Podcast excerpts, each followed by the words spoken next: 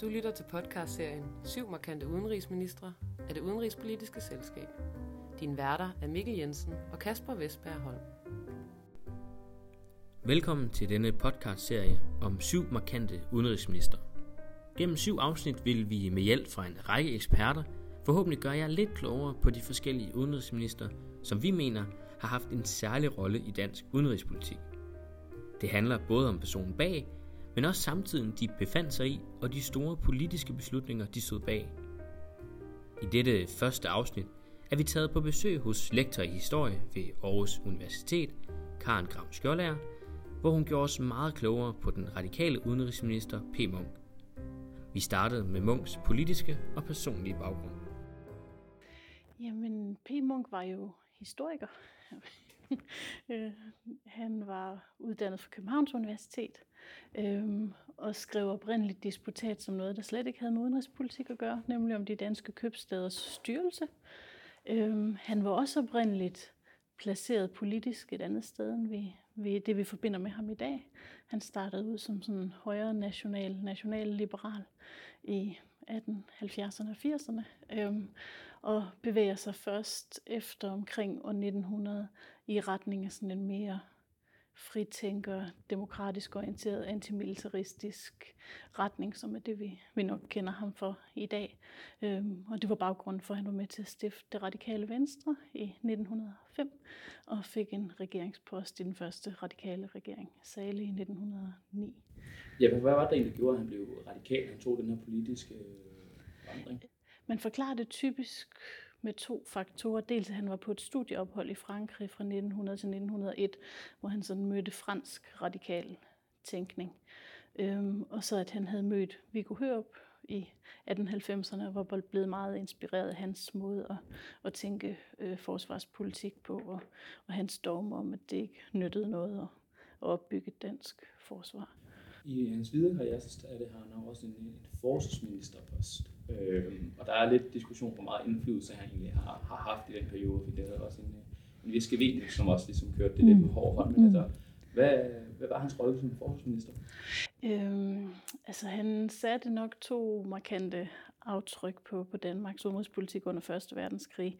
Dels var han sammen med Scavenius involveret i i beslutningen om minudlægningen i august 1914, hvor den tyske regering bad den danske regering om at minere Storbælt, selvom man havde lovet ifølge en neutralitetserklæring et par år tidligere at holde, holde Storbælt åben for passage. Øhm, ud fra en vurdering af, at man aldrig måtte gøre noget, der var i modsætning til tyske interesser. Der var han med i, i den gruppe af politikere, der, der tog den beslutning og også fik overtalt kongen til at være med på den. Og den anden var, at han var i stand til at holde ro omkring det forsvarspolitiske område under krigen. Og det var, det var lidt af en, en bedrift, fordi forsvarspolitikken var jo noget af det, der havde splittet dansk politik øh, i 20-30 år inden krigen, var sådan det store værdipolitiske emne, som, som skilte øh, især Venstre og Konservative på den ene side fra de radikale og socialdemokraterne på den anden. Og det lykkedes ham i 1915 dybest set at få lavet et forlig, der hed, at, at man gik i gang med at lave en, en meget stor forsvarsstilling, øh, en fremskudt befæstning omkring København, det der hedder Tunestillingen. Til gengæld så øh, kunne man øh, hjemkalde nogen af den store sikringsstyrke, de mange soldater, man havde indkaldt, da krigen brød ud. Og, og det var sådan hans vurdering, at det var den mest øh, begrænsede form for forsvarspolitik, han kunne komme til at føre under de forhold, hvor han så samtidig havde borgerlig opbakning. Så han lykkedes faktisk med at lave sådan en slags borgerfred på det forsvarspolitiske område under krigen. Det var selvfølgelig ikke alle, der delte Munks politiske synspunkter. I rigsdagen var forsvarspolitikken meget omdiskuteret, og holdningerne spændte vidt fra de konservative over til de radikale. Jamen, det var jo tegnet op af, to yderfløje, kan man sige. De konservative på den, på den ene side, som ønskede det, man kalder det eksistensforsvar, som var, at man skulle have et meget højt rustningsniveau og dybest set kæmpe til sidste mand, hvad end det nyttede øh, eller ej, øh, hen over en mere moderat, men også forsvarspositiv politik hos Venstre, og så en meget klar antimilitaristisk øh, politik hos de radikale, som dybest set var, det var det synspunkt Munkt øh, fremført, som var, at enhver form for militær oprustning på Danmarks side ville øh, mindske den danske sikkerhed, fordi man gjorde sig attraktiv som angrebsmål, øh, og man risikerede, at man ville blive proaktivt angrebet, hvis, øh, hvis man havde stærke militære ressourcer. Og så var der Socialdemokratiet, der først var ved at finde ind i en form for øh, nationalstatsbaseret forsvarstænkning på det her tidspunkt, fordi det var stadig et meget klassebaseret parti, men som også øh, landede på, omkring det her tidspunkt på sådan en meget stærkt antimilitaristisk standpunkt. Du altså, nævner også selv, at han er meget stærk antimilitarist. Øh, hvordan kan så være, hvordan hænger det sammen så med at blive altså, forsvarsminister? Altså, det tænker jeg, det er sådan et ting i ørerne, ikke? Ja, jo, Altså, jo, altså, jo, det må man også sige, øh, men det er jo det med en radikal regering. Det var en etpartiregering, så var der jo nogen, der skulle være forsvarsminister. Der så, Ja. eller, eller han var en dygtig politiker. Altså han var en af dem, der havde interesseret sig meget for forsvarsspørgsmålet og for øh, udenrigspolitik og international politik generelt allerede på det her tidspunkt, og han havde vist, at han var en dygtig minister allerede som indrigsminister i den første Sale-regering, så må ikke, at det også har haft noget med hans politiske dygtighed at gøre, at det var en, en post, man godt tog overladet til en, til en mand som ham. Ja, for han havde også meget stærke synspunkter omkring det her med, altså hvis et land som Danmark skal være neutralt, så skal vi heller ikke kunne blive angrebet selv, fordi vi også holder os ude fra det Ja, her. Det var jo ja. den her idealistiske øh, synspunkt der, Ja, men, ja. som ikke rigtig var der så meget held med jo. Nej, og det, det interessante er jo, altså, for det er jo helt rigtigt, øh, hvad du siger, at, at P. Munk dybest set sagde, jamen, at det, det nytter ikke noget at have et forsvar, så det eneste, vi skal have, det er en lille markeringsstyrke, der kan konstatere, at vores neutralitet er blevet krænket, og i øvrigt så skal vi ikke gøre noget for at prøve at forsvare os, men folkeretligt skal vi lige kunne konstatere, at det er sket. Men jeg tror, han ville udfordre dig på, at det var et idealistisk standpunkt. Altså han synes, det var et hyperrealistisk standpunkt. At når man så på Tysklands militære magt og størrelsen af Danmark, så var det det eneste realistiske og, og nyttige, det var at prøve at begrænse sine tab fra starten og fokusere på at opbygge et stærkt civilsamfund og en stærk øh, social sammenhængskraft i det danske samfund, som gjorde, at man ville kunne overleve i tilfælde af, at man blev angrebet. Ja, jeg simpelthen tog det jo forgæves, ligesom man skal kæmpe mod tyskerne alligevel, så hvorfor skulle man så lave et militær, hvor man ligesom kunne mi- miste en masse menneskeliv, ikke? Ja, altså han ville... det var meget hans fokuspunkt. Det var også det med menneskeliv og hvilken effekter det har på samfundet. Ja, præcis, og han ville jo så i den sammenhæng sige, at det var de konservative, der førte en farlig eventyrpolitik ved at insistere på et meget højt rustningsniveau, som gjorde en attraktiv som alliancepartner eller angrebspunkt. Øh, punkt. Øh, det er de konservative selvfølgelig ikke enige i. Danmark formåede at holde sig neutral under 1. verdenskrig, hvilket også var Munks politiske mål. De lærte samtidig Munk en hel del og gav ham håb og tro på, at Danmark også i fremtiden kunne holde sig neutral. Han lærer flere ting. Øh, han lærer for det første, at det er muligt at være neutral i en europæisk storkrig. Altså, han får en grundlæggende tillid til begrebet. Han har klart blik for, at, at den danske neutralitet har været udfordret, især på det økonomiske område, hvor man jo endte med at være ganske afhængig af, af Tyskland hen mod øh, slutningen af krigen, så, så ens neutralitet havde en meget stærk hældning i en retning, men han troede i bund og grund på, at det var muligt for en, for en lille stat at, at klare sig igennem en, en stor magtskonflikt, uden at blive indblandet i den, og det blev helt definerende for hans øh, udenrigspolitik i mellemkrigstiden, fordi alt den politik, han førte, førte han ud fra en idé om, at Danmark ikke havde noget særligt stort sikkerhedsbehov. Vi var sådan set os selv nok, var hans tænkning.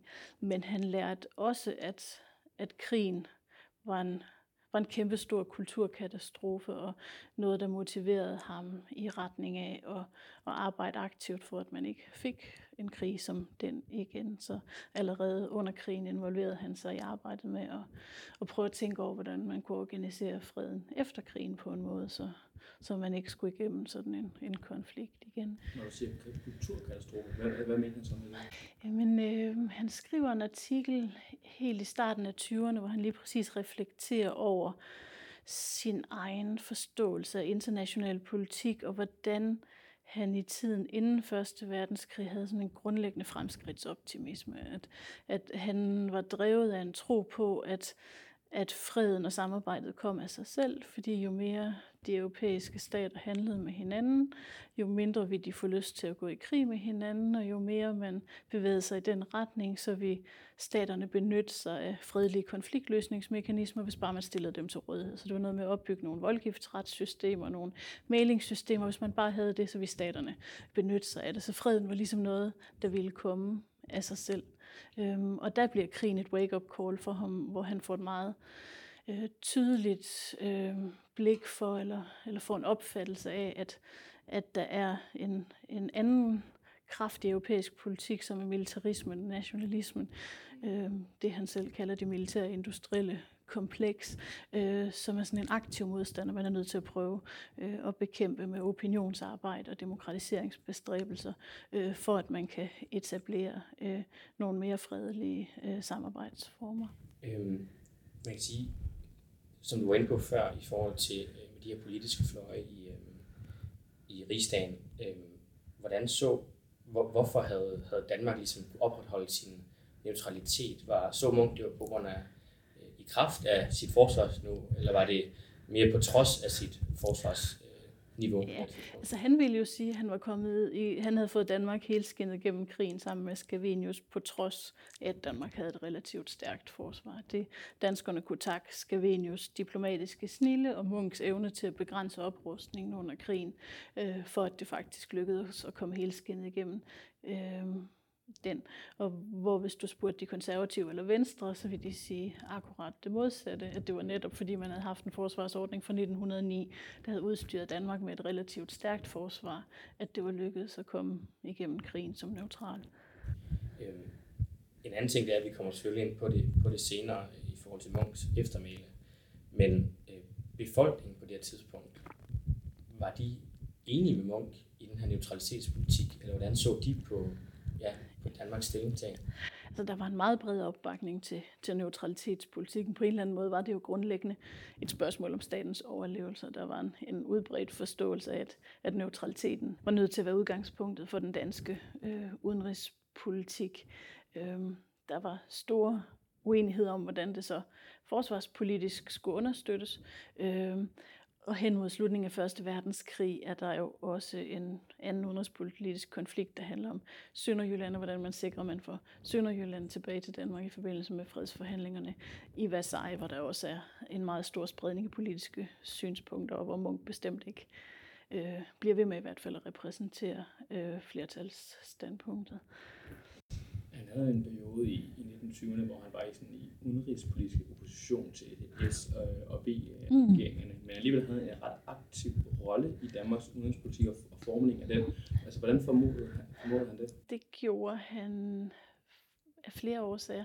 Øh, han gjorde det blandt andet, fordi han gik meget aktivt ind i den danske folkeforbundspolitik helt fra, fra begyndelsen. Øh, så udover at give regeringen øh, oppositionsmæssigt øh, modspil på fortsat på forsvarspolitikken og, og på andre udenrigspolitiske spørgsmål, øh, så blev han den helt centrale øh, spiller i formuleringen af Danmarks politik i, i Genève. Han sad i alle danske folkeforbundsdelegationer fra 1920 til 1938, øh, så han var sådan virkelig øh, en, en af, han var sådan ligesom i, i jægerkorpset, den der inderkerne, som, som sad og førte øh, øh, forsvarspolitikken, og så oprettede han jo i 1926 sammen med Åge Friis, det der hedder Institut for Historie og Samfundsøkonomi, som var sådan den første nærmest sige, moderne politiske tænketanke i, i Danmark, som arbejdede med at lave sådan evidensbaseret politikudvikling, både inden for en lang række nationaløkonomiske og velfærdsstatslige områder,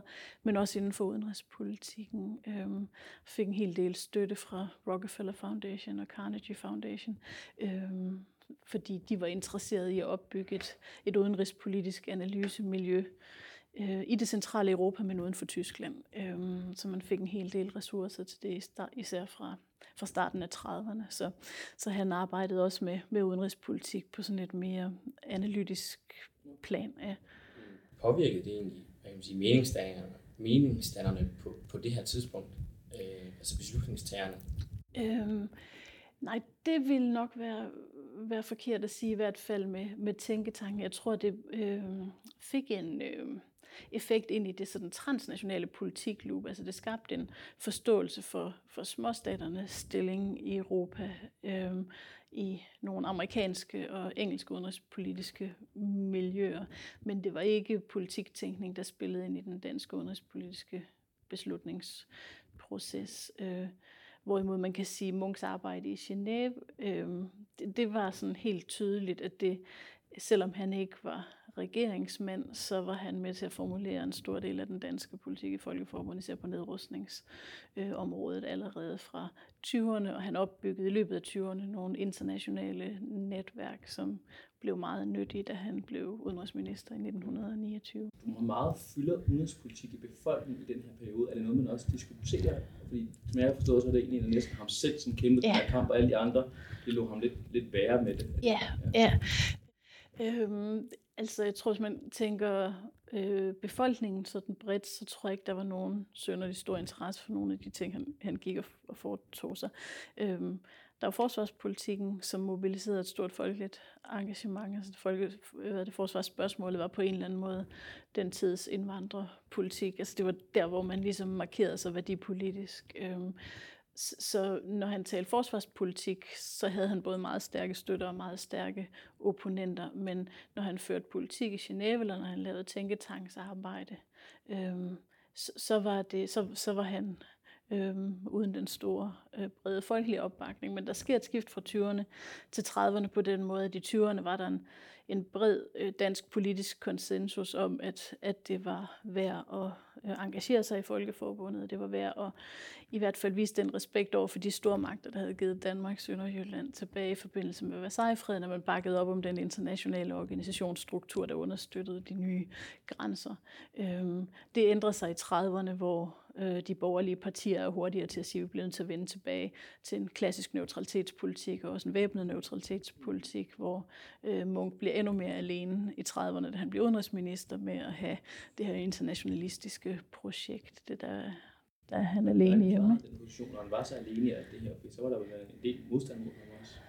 Øhm, jamen det er jo sådan lidt det interessante. Der er meget aktiv modstand, når vi diskuterer forsvarspolitik. Altså, øh, der er sådan en, en kort periode i starten af 30'erne, hvor, hvor forsvarsspørgsmålet bliver lidt mindre politiseret, også fordi at det er efter den store økonomiske krise, så Venstre bliver egentlig også ret øh, positivt indstillet over prøver at spare også på forsvarsbudgetterne, men i det hele taget ind i sådan en, en, en sparepolitik, hvor, hvor det lykkedes at lave et forsvarsforlig med dem i 1932, hvor man, hvor man skærer ned på, på forsvaret, men det skifter efter Hitler kommer til magten i, i 33, og hvor der begynder at være sådan en reel politisk opposition øh, mod ham på det udenrigs- og forsvarspolitiske område, som bare eskalerer i løbet af 30'erne, som jo også breder sig ind i social Socialdemokratiet, hvor der begynder at være nogle miljøer øh, i det socialdemokratiske landskab, der også synes, at, at man er nødt til at respondere på den nye trussel fra Tyskland ved at tage forsvarspolitikken mere alvorligt. Men har der en fascistisk synspunkt også efter, at Hitler kommer til magten i 33? Det, ja. det rokker ham ikke. Nej,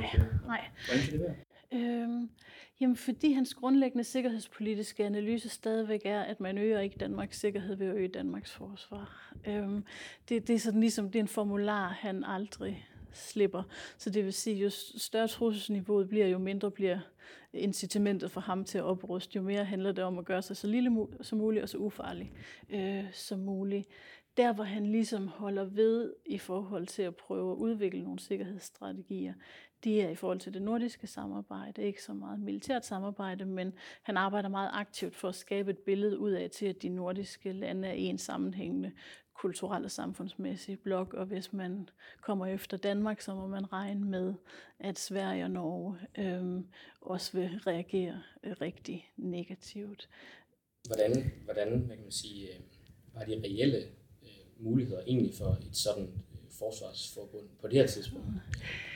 Ja. de var jo rigtig dårlige, øh, og det var ikke Munk, der fandt ud af det, men det var Stavning, fordi Stavning var mere aktivistisk, både udenrigspolitisk og forsvarspolitisk, end, end Munk var, og han sendte en, en meget aktiv føler ud i 1933, efter Hitler var kommet til magten, og der havde været uro omkring den danske grænse, øh, hvor han holdt øh, det, der er kendt som hans Norden-tale, hvor han ligesom prøver at appellere til øh, øh, de andre nordiske lande og fremstiller den dansk-tyske grænse som hele Nordens grænse. Og der kommer øh, prompte reaktioner fra både Oslo og Stockholm om, at det kan han godt, øh, det kan han godt glemme. Øhm, og det lykkes heller ikke senere i 30'erne, selvom de borgerlige partier presser hårdt på, for at man sonderer mulighederne for alliancer med England eller forsvarsforbund øh, med de andre skandinaviske lande, så det, så det er ikke rigtig muligheder, der eksisterer. Trods dårlige udsigter for et forsvarsforbund, havde Munk stadigvæk perspektiver i sin udenrigspolitik. Han var både opmærksom på de kortsigtede, realistiske muligheder, men havde også mere langsigtede idealistiske ønsker. Der var sådan et, et kortsigtet felt, som handlede om at øh, føre så stabil og lavprofileret en politik, at Danmark havde et troværdigt udgangspunkt for at føre neutralitetspolitik, hvis der kom en konflikt igen. Så gør sig mindst muligt uvenner med flest mulige, og med en let hældning mod øh, Tyskland. Øh, Øh, så det var sådan ligesom et element i det, og så øh, handlede det om jo mere konkret truslen mod den dansk-tyske grænse. Tyskland havde aldrig anerkendt grænsen øh, i forbindelse med genforeningen, og især i, i starten af 30'erne efter Hitler lige var kommet til magten, var man meget bange for, at sådan en lille udsat grænse som den danske ville være et nemt første greb for, for Hitler at tage sådan et, en hurtig prestigesejr, som ikke vil give øh, de store reaktioner. Øh, så han havde sådan meget konkret frygt, der handlede om truslen mod øh, Sønderjylland, øh, og førte en meget aktiv politik i samarbejde med de sønderjyske politikere for at mobilisere folkeligt og socialt og kulturelt omkring det. Og så arbejdede han samtidig på en mere langsigtet bane, som så handlede om, at vi bliver nødt til at prøve at ændre selve strukturen i det internationale system og skabe nogle nye principper for international konfliktløsning, nedrustning.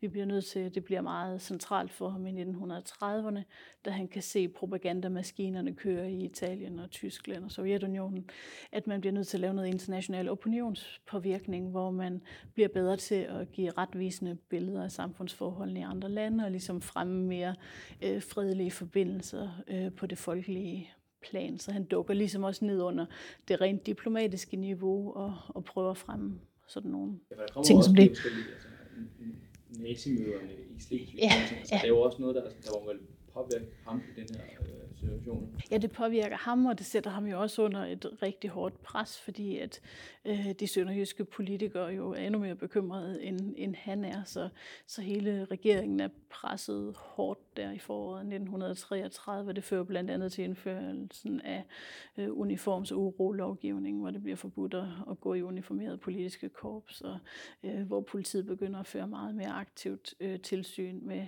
med de sådan radikale politiske miljøer og de tyske mindretalsmiljøer i, i Sønderjylland. Jeg kan sige, på trods af, af stormagternes øh, mindre velvilje, hvor meget troede Munk så egentlig reelt set på det her internationale retssamfund? Ja, øhm, altså det, det er lidt interessant, fordi det er to del. Han troede meget på de retlige mekanismer. Altså han havde den der øh, idé, som var grundlagt allerede under 1. verdenskrig, at det første, den første forudsætning for overhovedet at kunne skabe fredelige forhold i det internationale system, var, at man gav staterne adgang til faktisk at løse deres konflikter i fredelig vej. Det skulle man ligesom have udviklet noget øh, mekanik og noget infrastruktur, der kunne, der kunne sørge for. Det havde han stor øh, tillid til, især hvis det var understøttet af nedrustning. Men som udgangspunkt var han ikke en stor tilhænger af Folkeforbundets kollektiv sikkerhedsbestemmelser. Det var han dels ikke ud fra en rent dansk interessetænkning, som var, at man kunne ikke kombinere at være neutral og deltage i et kollektivt sikkerhedssystem, og hvis man skulle vælge, så valgte han neutraliteten. Men også fordi han i bund og grund var meget skeptisk over for militær magt, også når man løftede det op på et multilateralt plan. Han troede ikke på magtanvendelse som en nøgle til konfliktløsning, heller ikke når man udøvede det i et samarbejde øh, mellem stater. Det er faktisk først hen i slutningen af 30'erne, da alle andre sikkerhedsmuligheder begynder at være væk, at han flytter sig på den position og begynder at tale om Folkeforbundet som noget, der faktisk også kan levere sikkerhed til Danmark. Men det er jo på et tidspunkt, hvor løbet dybest set er kørt, og, og alle andre politikere har opgivet den vej frem. Ja, man kan sige også, øh, som du kort var, var inde på tidligere i forbindelse med Hitlers øh, overtagelse af magten, mm. og senere også øh, Tysklands øh, udmeldelse af Folkeforbundet og den her nedrustningskonference, mm. som også finder sted. Hvordan ser Munk på den her bevægelse? Jamen, den bekymrer ham jo rigtig, rigtig øh, meget, men, men han har stadigvæk sådan en grundlæggende tænkning, som stammer tilbage fra der, hvor vi startede, nemlig Første Verdenskrig, som var, øh, at det var en, en tragisk situation for Europa. Især fra 1938 er han helt overbevist om, at der kommer en ny europæisk storkrig. Øh, men han er stadigvæk øh, meget fortrøstningsfuld i forhold til mulighederne for at holde Danmark ud af den krig, så det kører sådan lidt i, i to baner. Han er meget tidlig til at forstå, hvor, hvor radikalt det nazistiske styre er, hvor farligt det er, men han er samtidig helt tydelig på, at det ikke er noget, Danmark skal engagere sig aktivt i at prøve at bekæmpe, fordi Danmarks første prioritet er at holde sig neutral. Øhm, så derfor gør man ikke øh, noget aktivt for at, at gå ind i, i en, i en, øh, en mere vestligt orienteret alliance, for eksempel. Og man frem, plejer at fremhæve et møde i Folkeforbundet i 1935, hvor Danmark sad i Folkeforbundsrådet, og hvor Tyskland for første gang brød Versailles-traktaten, i hvert fald sådan åbent, øh, da de genindførte værnepligten, og Frankrig stiller et forslag om, at det skal Folkeforbundsrådet fordømme. Øh, og hvor Munks analyse er, at det kan vi ikke, fordi så vil vi valgt side til fordel for, for Frankrig. Vi kan heller ikke øh, stemme det ned, for så vil vi valgt side til fordel for Tyskland. Så vi er nødt til at undlade at at stemme, og det er sådan en meget klar markering allerede i 1935 af, at han er ved at finde tilbage ind i det der neutralitetspolitiske spor. Og det bliver selvfølgelig helt entydigt tolket, selvom det er et, sådan et ikke-valg, som et, et valg til fordel for Tyskland, fordi alle de andre jo selvfølgelig fordømmer ja, den beslutning, ikke? Ja. ikke vælger side, vælger man også Præcis, ja. At når man er kommet der til det konfliktniveau, så kan man ikke længere være neutral. Nej. Nej. Jeg tænker også, altså meget af hans politik i Folkeforbundet var vel også, at han ville gerne påvirke der, hvor Danmark kunne påvirke. Mm. Ja, ja, præcis. Og også tror jeg meget klar i sin analyse af, at der var nogle ting, Danmark kunne, eller især ikke kunne i de bilaterale relationer. Altså når man talte om relationen til Tyskland, så var der ikke rigtig noget at vælge imellem. Så var det en eller anden grad af tilpasningspolitik, man var nødt til at, at føre, men i sådan en ny multilateral arena som Folkeforbundet, hvor man også diskuterede en masse internationale spørgsmål, der ikke nødvendigvis var så politiseret som genindførelse af værnepligten, men som handlede om, om bredere indsatser for at udvikle international infrastruktur og humanitært arbejde og sådan noget, øhm, så havde Danmark meget at byde på at kunne brande sig som øhm, en, en progressiv og liberal småstat, der understøttede det system i, i tæt samarbejde med især Sverige og Norge. Øhm, du var inde på det før, øh, i forhold til, at øh, ja, man kan sige, de andre store magter øh, var jo ikke enige med, med Danmark i altså, man kan sige, det her nedrustningsarbejde. Mm. Øhm, er det noget som, hvordan, hvordan så udlandet på, på Danmarks forslag øh, forhold til nedrustning? Øhm, jeg tror, der var stor forståelse, i hvert fald når vi kommer frem i, i 30'erne, for at Danmark lå så langt ind i den tyske interessesfære, at øh, hverken forsvarspolitisk eller alliancemæssigt var der det store at stille op. Øh, Tyskland og Storbritannien indgik en, øh, en flådeaftale i 1935, hvor det meget tydeligt blev slået fast, at, at Danmark var tysk interesseområder. Efter at Storbritannien havde taget det valg, så var der også en forståelse hos de britiske beslutningstagere om, at, at det danske råderum var meget begrænset der er også det her med, at Munk taler ind til den, sådan, den moralske nedrustning. Mm. Og sådan, der er, hvad er det præcis, han mener med den moralske nedrustning? Ja, det er sådan et begreb, der breder sig i Folkeforbundssystemet fra en gang i, i 20'erne, men som rimer rigtig godt med den måde, han hele tiden har tænkt international politik på, som netop er, at, at der er et plan i international politik, som er diplomatisk og sådan de her klassiske forhandlinger mellem staterne, men at hvis man på den lange bane vil udvikle et øh, internationalt system med et lavere konfliktniveau, så er det nødt til at bygge på en bund af mellemfolkelig forståelse. Altså så er man nødt til at skabe forståelse mellem de europæiske befolkninger for hinandens levevilkår. Man er nødt til at demokratisere de europæiske befolkninger. Man er nødt til at fremme en progressiv tænkning blandt øh, den brede opinion, der står for at vælge politikerne jeg tænker også, hvor meget betyder velstanden på klimaet? Fordi når man ser på en som Jens Otto Krav, så en af hans store politiske mål, det var at skabe velstand for, for befolkningen, fordi så vil de ikke have samme lyst til at, at gøre oprør, og det er meget den her kamp mod ja. kommunismen, som ja. man også fører. Ja. Ja. Og på den måde, hvis man giver folk bedre vilkår, så ja. vil det også skabe ja. nogle bedre samfund. Ja. Hvor meget fylder velstand og... og Jamen det, det, altså man kan sige, at han sidder jo i en arena, hvor det ikke rigtig er den type politik, han, han fører, øhm, fordi han er i spidsen for de diplomatiske forhandlinger, men der ligger helt sikkert en underliggende tænkning, der handler om, at for at Danmark kan blive øh, et velfungerende samfund og en stærk udenrigspolitisk aktør, så er der nødt til at være en fordeling af goderne, der gør, at der er en høj grad af social sammenhængskraft, øh, og der er nødt til at være en høj grad af oplysning og demokratisering, øh, fordi det er det, der giver modstandsdygtigheden i tilfælde af, at man skulle blive angrebet, men det er også det, der gør, at man vælger ansvarlige politikere, der promoverer en progressiv øh, dagsorden. Så, så velfærdstænkning og udenrigspolitik er helt sikkert også øh, koblet hos Munk, men på en lidt anden måde. Som tidligere nævnt lærte Munk af Første Verdenskrig og forsøgte derfor at videreføre Danmarks neutralitetspolitik op til det, der senere blev 2. verdenskrig. Den verdenspolitiske situation var dog ikke den samme. Men det er måske også der, hvor, hvor hans analyse går fejl, fordi Første Verdenskrig og det konfliktopløb, der var til det, var kvalitativt anderledes end den konfliktopbygning, der var i 30'erne. Øh, Første verdenskrig var dybest set stormagters i en eller anden forstand rationelle kamp om status og ressourcer. Øh, når man kommer ind i 30'erne, var det de her, de her meget radikale totalitære ideologier, hvor krigen nærmest er et formål i sig selv. Øh, der bliver dynamikkerne i det internationale system helt anderledes. Han har heller ikke, tror jeg, særlig klart blik for den militærteknologiske udvikling, der gør, at øh, da man får et flyvevåben og mulighed for luftbombardementer, så bliver Danmarks strategiske status en helt anden, end den har været øh, før. Så, så der er jo nok i, også i et eller andet omfang tale om en, om en fejllæsning af Danmarks placering øh, i, i det europæiske øh, politiske system, når vi kommer op i, i 30'erne. Ja, for du er som sagt selv lidt inde på hans analyse af af, af situationen. Hvordan ser han på den øh, ja, kan man sige, ikke angrebspagt, som, øh, som Danmark jo indgår med tyskerne ja. i, i 39?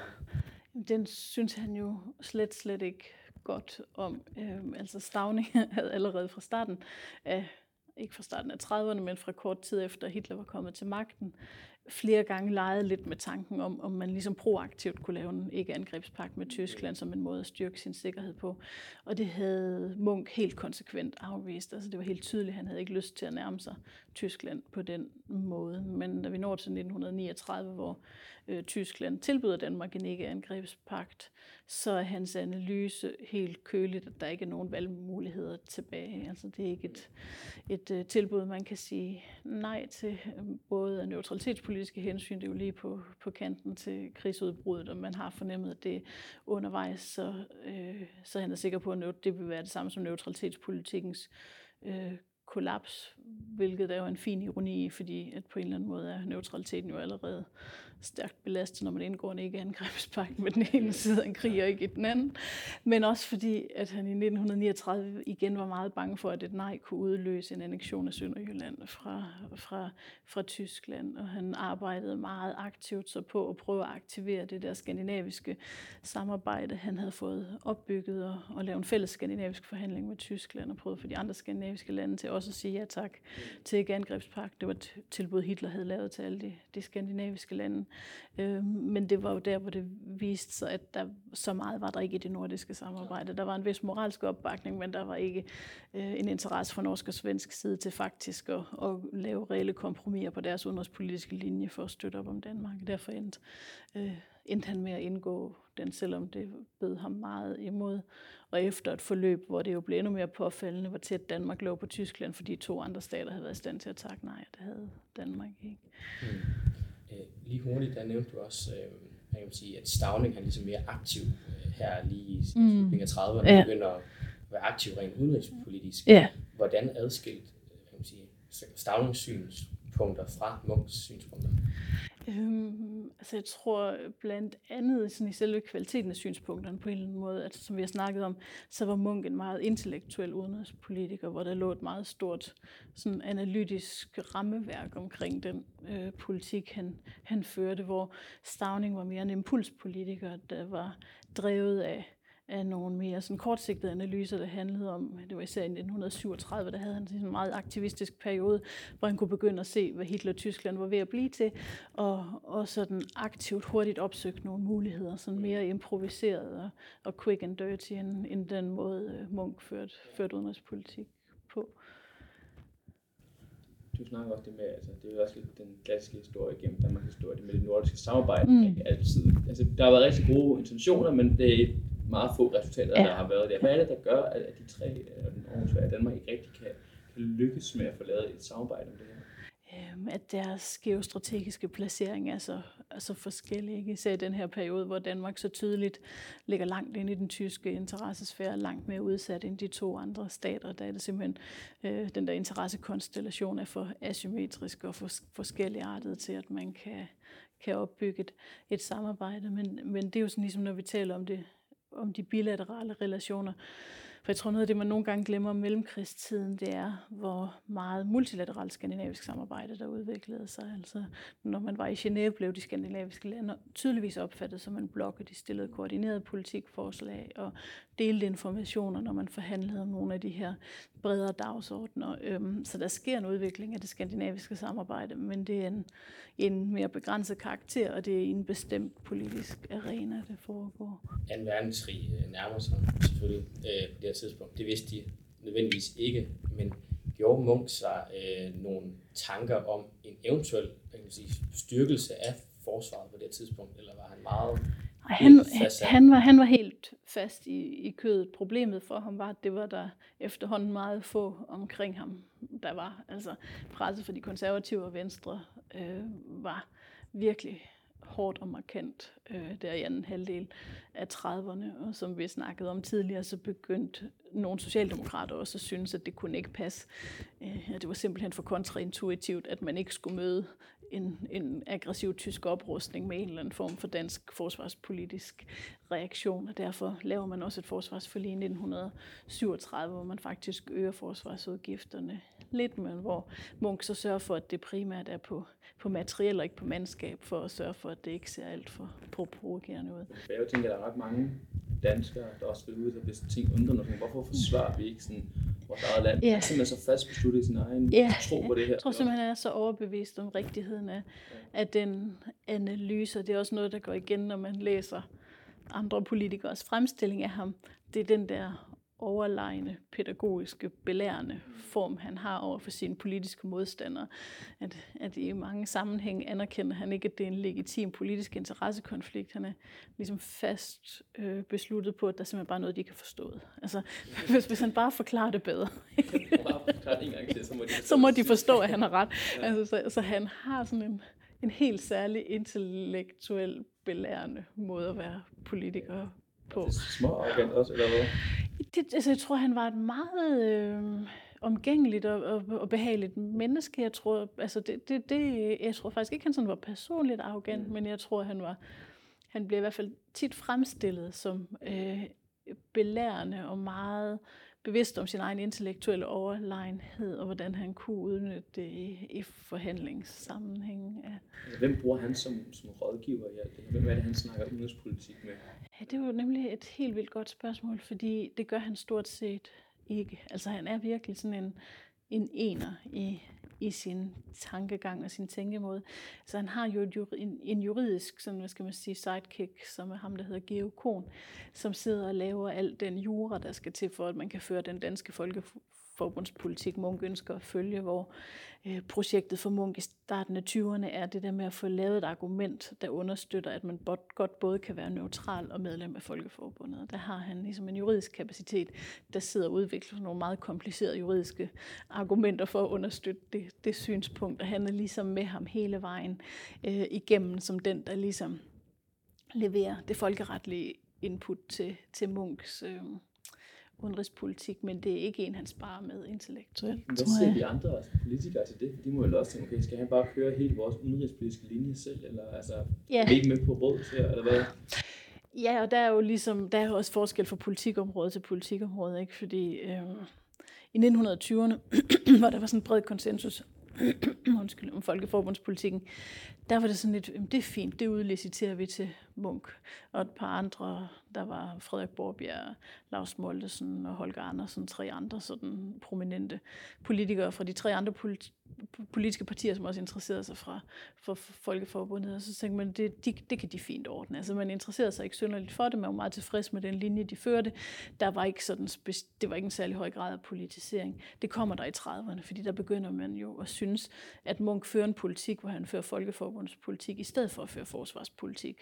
Og hvor det er sådan, kan du ikke lige komme hjem fra Genève sørge for at få styr på forsvaret, i stedet for.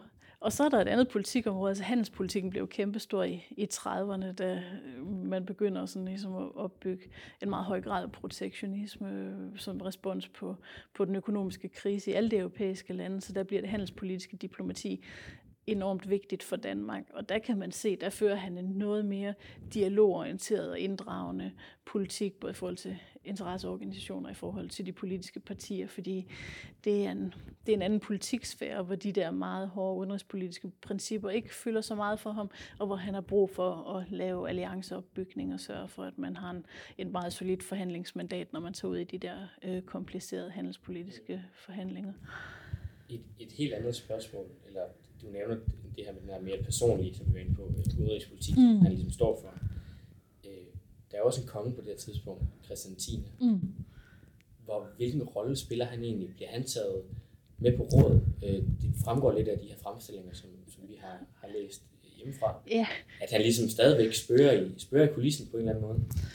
Altså han er jo helt tydeligt, hvis vi ligesom går tilbage til starten af Munks karriere, ikke? så ved udbruddet af Første Verdenskrig, der spiller han jo en helt reel rolle i diskussionen om, om minudlægningen.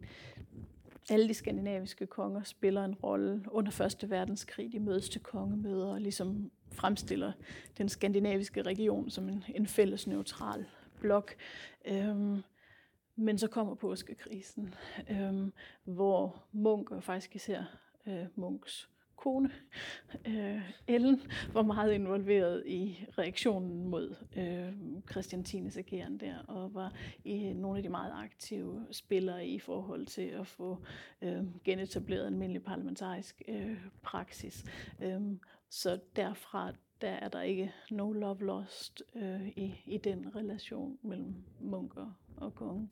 9. april mm. øh, sker øh, selvfølgelig. Øh, hvordan kan man hvad kan man sige, hvad gør Munk i den her situation, og hvordan kan man ligesom forstå hans agering øh, på baggrund af den politik, han har ført ja. øh, gennem 30'erne? Jamen, altså, det, det er jo så der, hvor han på en eller anden måde bringer sin politik til den logiske konklusion. Ikke? Da han så faktisk står over for det militære angreb, så gør man det, han hele tiden har sagt, man skulle gøre. Man, man markerer neutralitetskrænkelsen, men man går ikke ind i et reelt forsvar, og man beslutter med det samme, at det, man skal forsvare, er det danske civilsamfund og det danske, øh, den danske politiske infrastruktur i, den, øh, i det omfang, man kan, men man opgiver den militære dimension af, af forsvaret næsten med det samme. Så det er jo på en eller anden måde en realisering af den øh, forsvarsvision, han har haft øh, helt fra begyndelsen. Men han, han tilbyder alligevel øh, kort tid, ja faktisk øh, nærmest på dagen, ja. at gå af som ja. udenrigsminister. Ja. Hvorfor? Jamen fordi det jo samtidig er en, et, en kæmpe forlit erklæring, ikke? fordi hans tilgang samtidig med, at han har planlagt efter, at det her scenarie kunne materialisere sig, så har han hele tiden arbejdet ud fra en antagelse om, at det ville det nok ikke. Mm. Øhm, og det er jo helt tydeligt nu, at, at det kunne det så øhm, realisere sig. Øhm, og, og, og han er den ansvarlige, og det er der jo ingen tvivl om. Han har jo ført den danske udenrigspolitik i 10-12 år inden, så der er kun et sted ansvaret for, for, for, for 9. april ligger på den danske side, så man kan tale om, at det et, dansk ansvar, når man er blevet angrebet af en anden, en anden stat.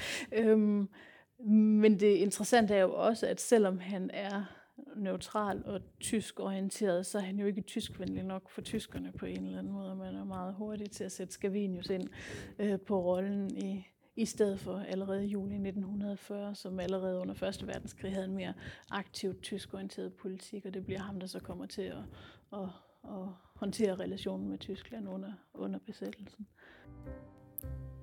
Dette markerede dermed Munchs tid som udenrigsminister. Eftermælet er meget omdiskuteret, da han ofte blev gjort til søndebuk for den forfejlede neutralitetspolitik. En historisk periode, der stadig den dag i dag deler bandene politisk. Ja, og det, her, det er jo også blevet hans, hans blivende eftermæle. Ikke? Det er den der mislykkede øhm, politiske linje i 30'erne, der ender med 9. april. Altså han blev virkelig sådan en, en udskammet øh, figur. Der er måske lavet for en lille smule i Lea Scavenius, som mange synes var endnu værre efter, efter krigen, men, men netop som den, der havde ført politikken op til krigen øh, i høj grad øh, sådan en scapegoat-agtig øh, figur, og det er først fra måske 80'erne, der begynder at komme nogle analyser, der kigger på ham lidt bredere som udenrigspolitisk tænker, og, og begynder at interessere sig for nogle andre af de udenrigspolitiske områder, han også har, har arbejdet med tiden før 1930'erne. Ellers så er det ligesom det der skamlige systemet Munk, der var den danske version af appeasement-politikken på en eller anden måde, der har stået helt centralt for forståelsen af ham. En, en ting, vi, vi undrer os over øh, hjemmefra, man kan stille spørgsmål, hvor meget handlekraft har Munk og Danmark egentlig reelt i den her periode mm. øh, overfor, øh, overfor en stormagt og Tyskland ja, specielt? Ja, ja. Jamen præcis, og det er jo lige netop det meget af diskussionen efter krigen har gået på. Var der reelle valgmuligheder? Altså kan man bebrejde Munk, at han ikke gjorde noget andet end det, øh, han gjorde? Øh, og det tror jeg, det findes der også nok sådan lidt to blik på. Nogen, der var argumentere for, at de udenrigspolitiske handlemuligheder var så relativt begrænsede allerede fra starten af 30'erne, så hvad han havde gjort eller ikke gjort forsvarspolitisk, havde ikke flyttet øh, det store.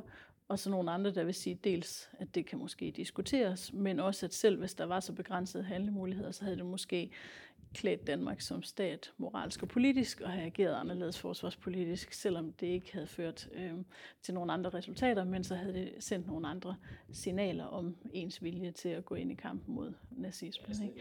Ja, præcis. Ja, ja, ja, ja, ja. Rent øh, sådan øh, rent civilsamfundsmæssigt øh, har han jo det her synspunkt med, at den indre sammenhængskraft mm. er stærk nok. Har vi egentlig tildelt Munk nok sige, credit for for den her tankegang og den her ja, styrkelse af civilsamfundet, som måske er det egentlig det, der gør, at Danmark overlever, hvis man kan sige det, gennem de her verdenskrige. Det tror jeg kommer an på, hvem du spørger. Ikke? Altså, jeg tror, nogle historikere miljøer har, altså der er helt tydeligt sådan en radikal historietradition, der også har lagt sig på forhandlingspolitikken side. Det er dem, der kalder det forhandlingspolitikken og ikke samarbejdspolitikken, mm. øhm, som har sagt, at det her det var det var den ansvarlige ting at gøre, fordi det var sådan, hvis man er i en position, hvor man har ansvaret for en hel befolkning, så skal man selvfølgelig tænke på den befolknings bedste, og ikke føre macho signalpolitik på forsvarspolitikken, hvis det koster en hel masse på civilsamfundssiden, hvor et andet mere borgerligt segment vil sige, jamen øh, det kan godt være, men det er simpelthen det er for lidt ærefuldt, og det er for øh, kujonagtigt, og man bliver nødt til at stå ved sine demokratiske principper. Det er fint nok at bevare demokratiet indtil, hvis man ikke er villig til at gå ud og forsvare det ud af til, hvad det der interne demokratiforsvar så egentlig værd. Men det andet argument her, det er jo også vel nemt at komme og sige, efter at krigen blev, blev vundet. Altså, mm. Man skulle have taget større afstand jo, men man skal vel også tænke på den historiske periode, de var i, altså den samtid, de var i, for der vidste man jo ikke, hvilken vej altså, det ville vende. Nej, dels det. Man vidste ikke, hvilken vej det ville vende, og jeg tror, det der med, at der er meget forskel på at være en politiker, der står med det helt konkrete ansvar for mange ja, millioner ja, ja. menneskers liv, og så sidde og, og lave lænestolsfilosofi ja. på det bagefter og tænke over, hvad, hvad man også kunne, kunne have gjort. Det er tit, man, man tænker på historie, det er, så sidder man nu her i 2019 og skal tænke, hvorfor gjorde vi også ikke større afstand til det. Men det er trods alt noget andet at sidde med beslutningen, når, det, når, de, når de ruller ind over. Ja, præcis, og det er jo også det, der er interessant, når man sidder og arbejder med kildematerialet. Man kan pludselig se ind i den der tog, de sad og kiggede ja. ind i. Øh, hvor det... På panden, ikke? Ja, præcis. Altså, ikke for, Nej, netop. Jeg tror, vi vil, vi vil runde af. Mange tak for. Du lyttede til podcastserien Syv markante udenrigsministre af det udenrigspolitiske selskab. Dine værter var Mikkel Jensen og Kasper Vestberg Holm.